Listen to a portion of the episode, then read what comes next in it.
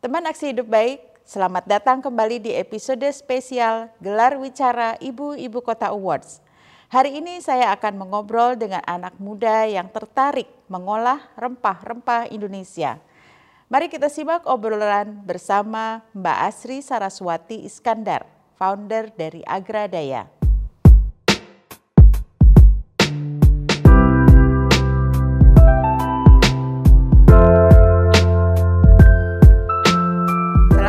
Mbak Asri, apa kabar?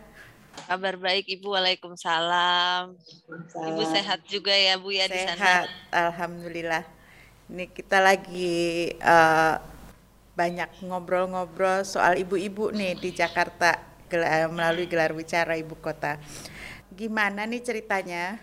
Awalnya nih Mbak Asri bisa berkecimpung dengan jamu-jamuan, uh, dengan herb and spice ya dan dibilangnya sustainable herb and spice. Nah, ceritanya gimana Mbak? Kok bisa terjun ke sana gitu?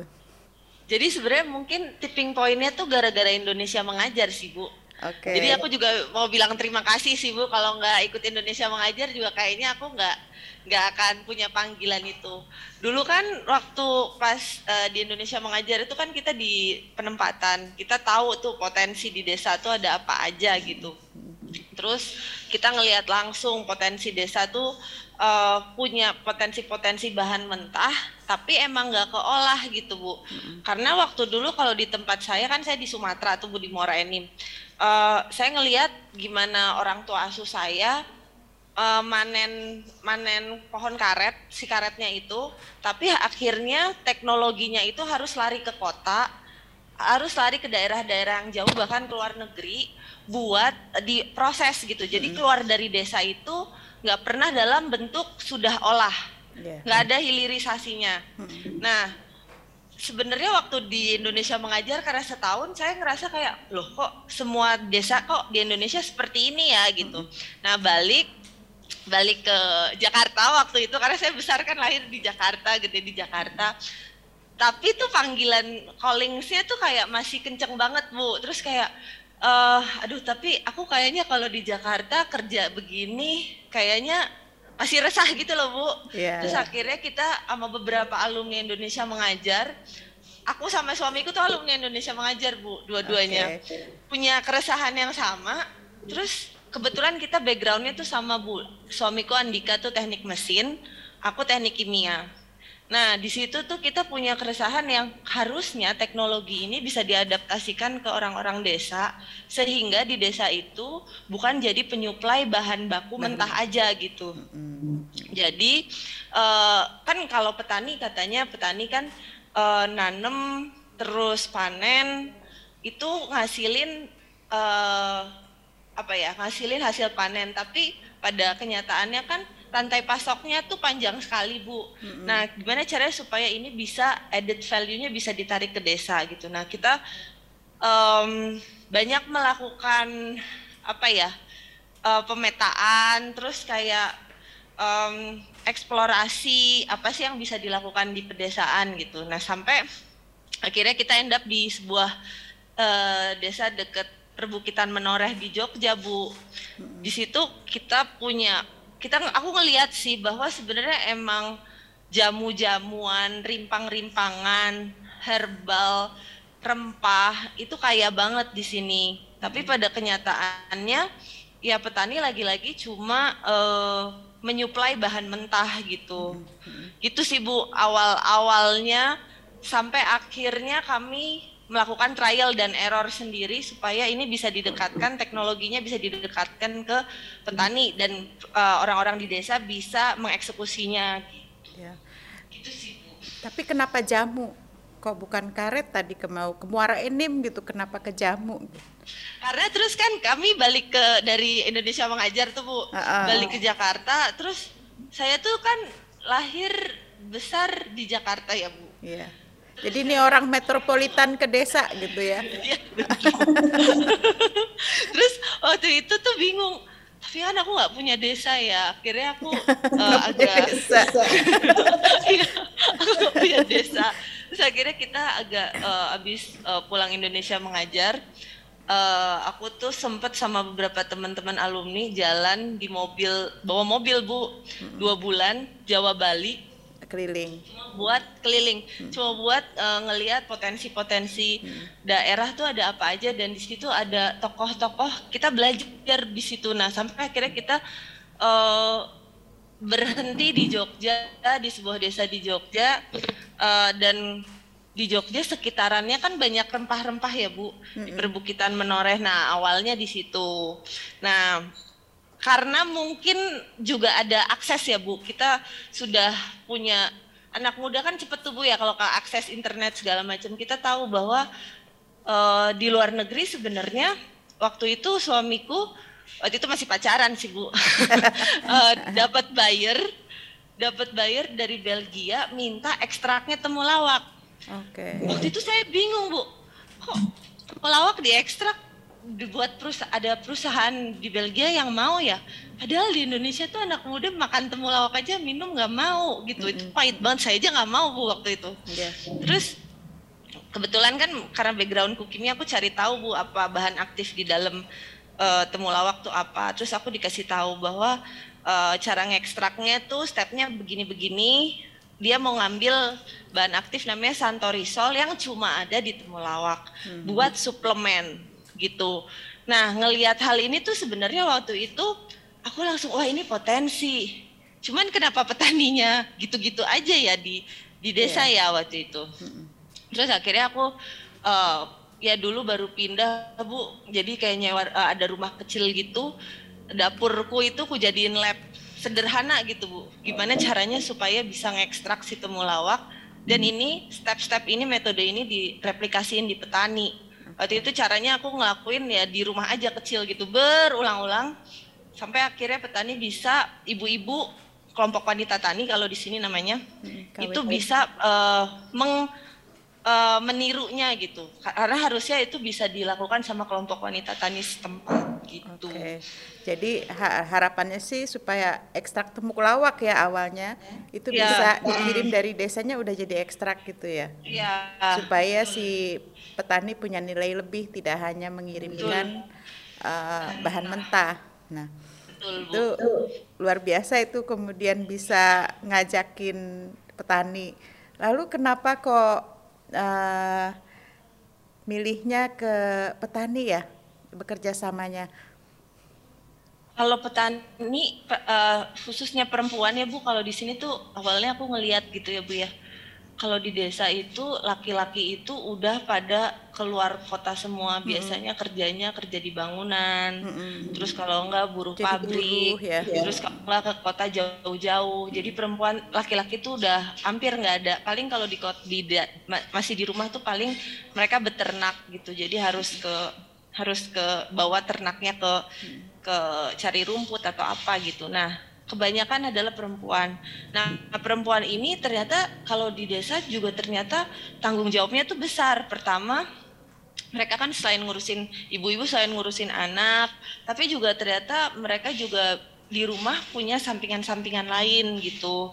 Dan ternyata juga uh, perempuan ini bisa diintervensi, Bu. Jadi kayak misalnya uh, kalau laki-laki udah saya kerja aja, kerja X misal di bangunan gitu. Hmm. Tapi kalau perempuan saya bisa sambil ngurus anak, saya ngerjain Sambil apa juga di rumah ser, uh, disambi-sambi. Nah, itu dia kenapa kita masuknya ke kelompok wanita tani gitu. Hmm. Dan ternyata kelompok wanita tani tempat kita bekerja partner kami itu Bu, mereka itu punya apa ya? Punya kumpulan kalau di sini bilangnya kumpulan uh, yang memang sudah rutin berjalan uh, biasanya kalau di tempat kami kumpulannya itu hari Kamis Kliwon gitu hmm. itu kalau nggak uh, arisan jadi udah punya aktivitas-aktivitas kecil sendiri hmm. yang jadinya untuk bikin sebuah kegiatan tuh udah nggak sulit udah, udah udah udah ada kelompoknya gitu ya betul ya. betul bu oke okay. gitu nah di terus mutusin dari kehidupan nyaman di metropolitan terus pindah ke desa itu apa sih yang ngedorong Mbak Asri untuk pindah ke desa? Sebenarnya sih ya apa, apa ya Bu awalnya punya keresahan itu kan Bu ya. Iya. Awal-awal balik Indonesia mengajar itu punya keresahan itu. Terus di satu sisi juga aku waktu pas di Jakarta itu sebenarnya sering sakit bu aku tuh bu nggak tahu nggak tahu kenapa mungkin udaranya atau apa cuman waktu itu kayak ya udah aku mencoba pindah tapi sebenarnya waktu pindah dari Jakarta ke Jogja bukan hal yang mudah juga buatku bu sebagai ya, pastinya uh, uh, bukan bukan hal karena bahkan orang tuaku tuh nangis nangis karena kan namanya desa harus nimba gitu kan bu. Iya. lihat anaknya Iya. nimba dia sedih ibuku sedih gitu terus terus em, ya awalnya ada ada banyak adaptasi sih bu kayak eh, apa ya ritme kerja. Kalau di kota kan semua harus serba cepet gitu. Tapi Iya. di sini kan aku harus lebih memahami manusianya ya. Iya. terus tradisi kebudayaan juga di sini kan masih sangat kuat gitu. Dan fasilitas kan nggak nggak seperti di Jakarta mungkin. Kenapa bu? Fasilitas ap- yang ada juga mungkin nggak iya seperti di Jakarta bu. Berarti sinyal di sini juga nggak ada bu. Oke gitu. Jadi di awal-awal cukup cukup menantang sih Bu untuk untuk kenyamanan hidup ya gitu. Iya. Cuman kalau sekarang kan oh, udah itu udah 8 tahun 9 tahun yang lalu jadi kayak kita udah punya apa ya, udah membentuk fondasinya jadi udah lebih enak sih Bu. Kalau dulu-dulu ya lumayan menantang Bu. ya di awal pastinya susah ya waktu itu sudah menikah ya pindah ke Jogja Eh setahun pertama belum, terus tahun keduanya baru menikah Bu. oke Gitu.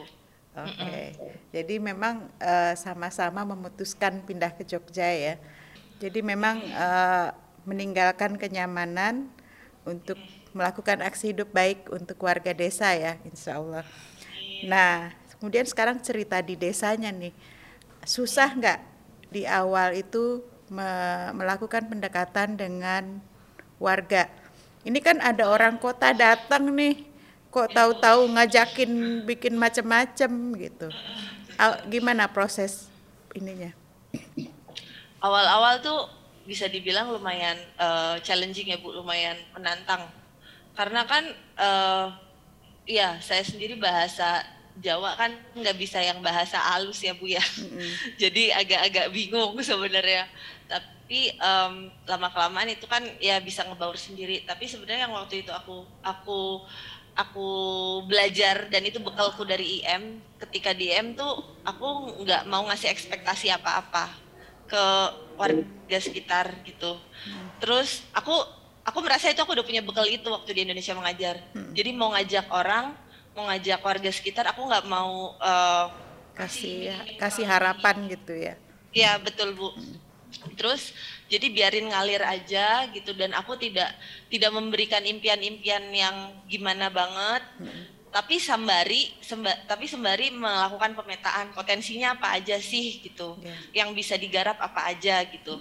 Dan kebetulan tuh pas pertama kali pindah banyak teman-teman IM yang ngebantuin, alumni IM yang ngebantuin Oke. waktu itu di sini. Jadi eh, kita keroyokan bareng-bareng gitu. Dan itu yang aku lakuin pertama kali jadi nggak ngasih harapan apa-apa tapi lakukan pemetaan. Nah berjalan waktu tuh jadi paham sih kenapa eh, mungkin ibu-ibu awalnya tertarik ada yang tertarik ikut kelompok wanita tani ada yang enggak gitu. Ada yang tertarik ikut aktivitasnya agradaya ada yang enggak. Ternyata KWT-nya udah ada sebelumnya. sebelumnya cuma kelompok arisan bu. Oke. Kelompok arisan legal KWT-nya nggak ada. Kan kalau KWT harus di di Iya, apa ya iya. di legalkan ke Iya. dinas pertanian ya bu ya gitu. Nah terus em, sampai akhirnya em, kami ketemu kepala duku kalau di sini namanya Pak Dukuh sama Bu Dukuh. Beliau tuh cerita mengalir aja gitu bu. Problemnya apa di sini gitu. Ternyata kunyit kalau di menoreh tuh sekilo lagi musim panen tuh 800 rupiah. Jadi ya mendingan aku nggak usah ibu-ibu nggak mau panen loh mbak. Karena 10 kilo ya cuma capek 8.000. tok gitu. terus em, waktu itu aku bingung ini kok gapnya jauh banget ya? Eh, antara permintaan di buyer di luar negeri sama kondisi di lapangan di di, Iya. di petaninya ini kok gapnya jauh banget gitu. Padahal di luar negeri minta ekstrak tuh udah harganya udah bagus banget gitu. Ini ada apa sih gitu? Nah di situ tapi aku nggak langsung bilang bu bahwa eh, ada buyer kita bisa nerima harga tinggi Iya. gitu aku nggak nggak bisa nggak bisa kayak gitu gitu. Eh, ca- akhirnya yang aku lakukan waktu itu sama suamiku suamiku um, bikin proposal um, waktu itu dapat grant dari Australian Embassy um, buat bikin rumah pengering. Jadi kita menginstall sebuah rumah, tapi rumah ini tuh buat ngeringin aneka hasil panen. Gunanya apa? Kenapa harus ada teknologi ini? Supaya barang keluar desa, apa pun itu yang dipanen, itu sesuai standar buyer yang dipengenin gitu. Hmm. Kan gapnya kalau di desa tuh Bu, um, ini komoditas, ini keinginan buyer itu nggak ketemu. Gak nyambung. Gitu. Hmm. Mm -mm. Nah akhirnya kita pakai uang grant untuk bikin fasilitas-fasilitas itu hmm. yang diperuntukkan untuk kelompok tani. Jadi jadi asetnya kelompok wanita tani gitu. Okay. Nah di situ menarik sih bu waktu pas aku bilang rumah pengering mereka tuh udah ketakutan bu karena mikirnya waduh ini pasti listriknya gede gitu. Mm. terus ada pada nggak mau pada pada diem diem gitu pada pada nggak aduh pada ketakutan gitu bu mimik mukanya terlihat gitu. Terus kenapa ya nih ibu-ibu kok nggak ngasih respon apa-apa gitu? Terus um, mungkin terus aku bilang sama suamiku mungkin belum kebayang kali ya gitu. Rumah pengering itu kayak apa Terus rumah pengeringnya ternyata kan cuma tiga kali empat ya bu ya, hmm. atau empat kali enam kecil sebenarnya, tapi bisa masuk hasil panen banyak gitu. Pas kita liatin, kita bikin satu di tempat kami di sini. Beliau-beliau, oh lah ini tau mbak, aku pikir tuh rumah gede kayak pabrik. Terus butuh listrik yang wattnya banyak. Kan kalau kayak gitu saya takut bayar listrik ya gimana kelompok tadinya gitu. Jadi sebenarnya kalau aku lihat harus bisa harus punya trust juga. Okay. terus bisa kadang kan kita yang punya di kepala kita A gitu bu diterima di orang lain beda gitu. Yeah. jadi harus harus bisa menyambungkan. Oke. Okay. nah jadi alhamdulillah kemudian udah bisa mereka mau ya. Dan yeah gimana responnya sesudah merasakan manfaatnya? Kalau sampai sekarang ya Bu, kita tuh kerjasamanya kan sampai le udah lebih dari 150 petani ini Bu. Hmm. Oh, sekarang ini yang ikut, ikut. Ya. udah 150. Iya. Berapa lama? Kurang, Kurang lebih. Ini tuh agradanya tuh udah hampir 5 6 tahun sih Bu, udah agak lama sih. Ya lumayan ya. Nah, Iya.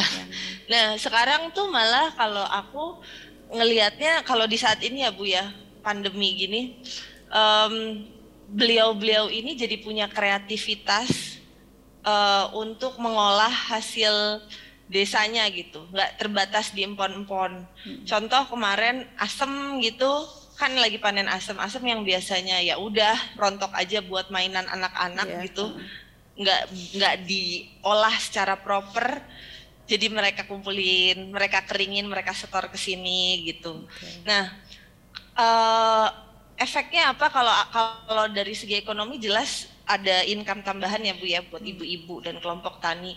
Yang kedua sih yang aku lihat jadi bisa lebih menghargai tanaman di sekitar. Hmm. Yang tadinya ngelihat asem tuh ya ngono wae mbak gitu, dibiarin yeah. aja Take Terus atau ya benar bu, bunga telang sih bu, bunga telang Aduh. tuh pas pertama kali aku ngajak nanam uh, banyak yang gini, mbak ini tuh liar, kembang telang tuh cuma buat obat mata gitu di sawah tukul dewe gitu. Apa ya tukul dewe tuh uh, tumbuh sendiri. Tumbuh sendiri. Mm -mm, tumbuh sendiri. Jadi dia uh, beliau-beliau ini belum bisa apa ya ber menghargai tanaman-tanaman yang ada, tapi begitu udah jadi teh dan tahu harganya cukup tinggi, jadi oh ini bisa ditanam, ini bisa dikeringin, ngeringinnya kayak gini gitu. Kayak gitu sih Bu. Jadi lebih bisa menghargai apa yang ada di sekitar dan yang paling yang ketiga yang efek paling menurutku tuh membuatku bahagia sebenarnya ketika beliau-beliau ini udah bisa mengkreasikannya sendiri jadi produk Bu. Itu sih. Dan itu dibimbing juga oleh Mbak Asri untuk iya. membuat produk. Jadi kayak kemarin, kayak kemarin gula. Jadi aku tuh biasa trial gitu sama Bode. Uh, ini lagi banyak. Kemarin kan kalau di sini Bu cabai tuh murah ya Bu ya. Cabai tuh kemarin sekilo 3000 Bu. Terus di level petani. Kan itu tuh sebenarnya uh, modal nanem sama modal sama hasilnya kan sedikit sekali gitu. Maksudnya nggak nggak nggak dapat untung gitu itu tuh sampai ada petani yang tidak mau panen gitu hmm. Yang ngapain panen kalau kalau mau kalau panen kan juga nggak untung gitu nah akhirnya kemarin kita nerima dan aku uh, kita kayak ngeringin ngeringin terus bikin varian chili oil terus abon cabe terus bikin kayak uh, apa cabai giling, chili flakes gitu Bu. Nah hal-hal kayak gini yang sebenarnya itu idenya datang dari Mbok De Mbok De juga gitu. Mbok De. Iya Mbok De Mbok De aku manggilnya. Mbok De. Ibu-ibu. Iya. Jadi kebayang nih sekarang kenapa namanya Agradaya. Jadi, iya Bu. Uh, mungkin ya ini kesimpulan saya aja dari tanaman bisa berdaya gitu ya. Iya, Atau betul. bisa dijelasin gimana sih sebetulnya Agradaya ini? jadi sebenarnya kalau agradaya tuh um, karena waktu awal-awal ke desa kami tuh ngelihat uh, Indonesia tuh negara agraris ya bu ya hmm. tapi memang aku ngelihat di di di kondisinya di desa tuh uh, pertanian itu cuma dilihat sebagai on farm aja hmm. tapi tidak dilihat pengolahannya off farmnya seperti apa yeah. gitu keputus tuh bu jadi orang tuh yeah. kayak ngelihat uh, ya pertanian adalah subsidi pupuk, subsidi um, bibit, benih segala macam gitu. Tapi nggak melihat bahwa pertanian selanjutnya adalah pengolahan yang bisa jadi makanan, bisa jadi pharmaceutical grade, bisa jadi obat, bisa jadi parfum segala macam gitu. Yeah. Nah itu yang itu yang keputus dan aku ngerasa sebenarnya ini di Indonesia masih bisa anak-anak muda masuk ke ranah ini dan agraria itu kenapa namanya jadi agradaya agradaya agra kami meyakini bahwa uh, negara agraris ini tuh sebenarnya bisa berdaya dari uh, bahan-bahan agraris ini sendiri yeah. gitu Bu jadi sebuah doa sih Bu sebenarnya ini kan uh, tadi kan dari Jakarta sampai sana kemudian bergerak sama ibu-ibu di sana yang berikutnya itu sebetulnya tinggalnya di mana sih Mbak Asri nih sekarang? Aku Bu. Ha -ha Aku tinggalnya di di Jogja bu di desa kecamatan Minggir namanya desa Sendang Rejo sekitar 45 menit lah dari kota Jogja bu. Sebenarnya ini bukan bukan kota juga aku nggak tinggal di tengah kota Jogjanya juga enggak.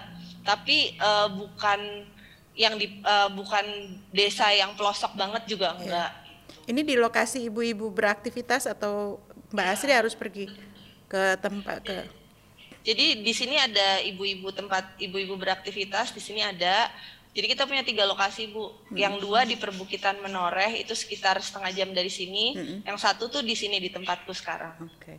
Saya sih kalau ngebayangin Agradaya itu sepertinya kayak pabrik, kayak ibu-ibu tadi bayanginnya pabrik gitu.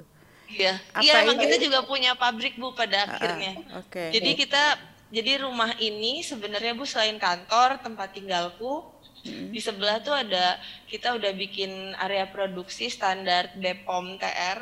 Sekarang dari hasil yang didapat oleh Agradaya ini kan tentunya Agradaya punya uh, pasar ya.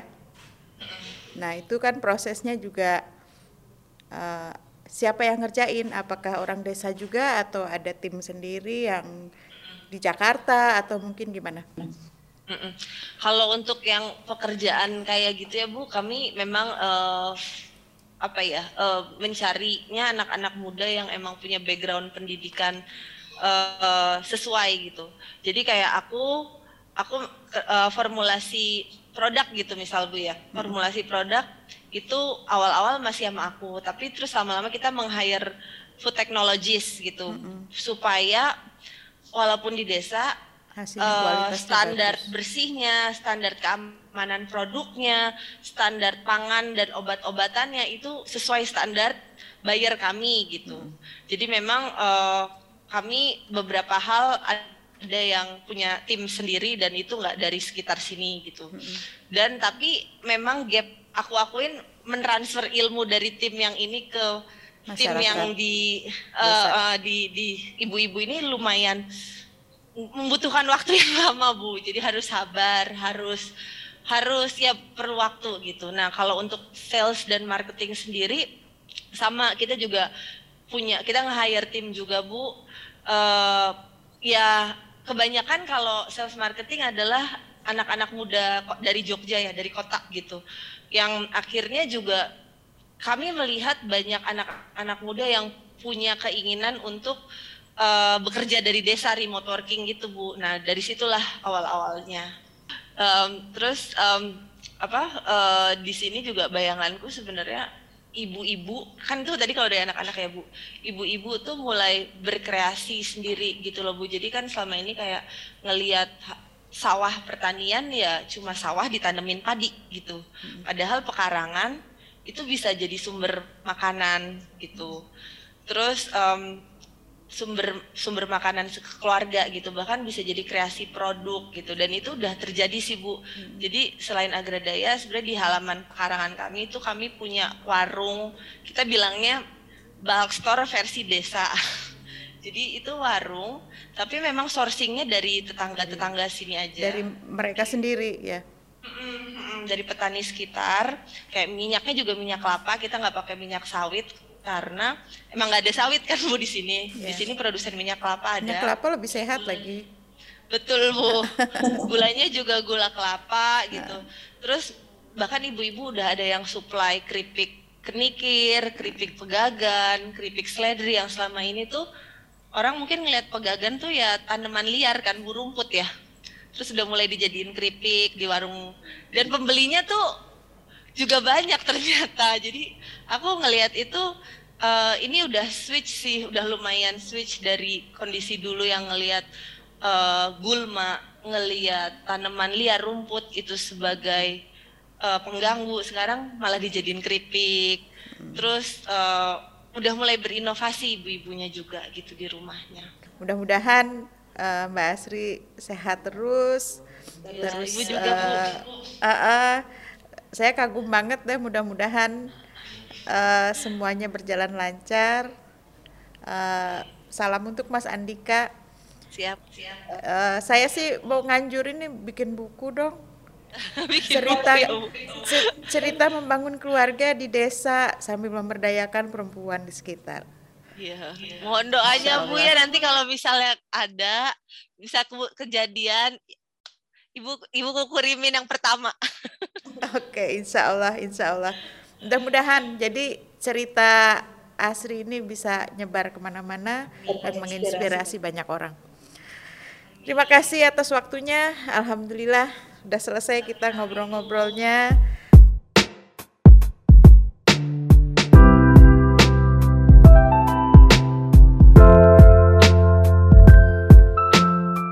Teman Aksi Hidup Baik, dari sosok Mbak Asri, kita belajar untuk berani bermimpi. Ia berhasil keluar dari zona nyaman untuk mewujudkan harapan dan menjalaninya dengan bahagia. Semoga cerita tadi menginspirasi kita untuk berani mengejar mimpi dan terus melakukan aksi hidup baik bagi sekitar. Demikian cerita hari ini, sampai jumpa. Didukung oleh Plus Jakarta.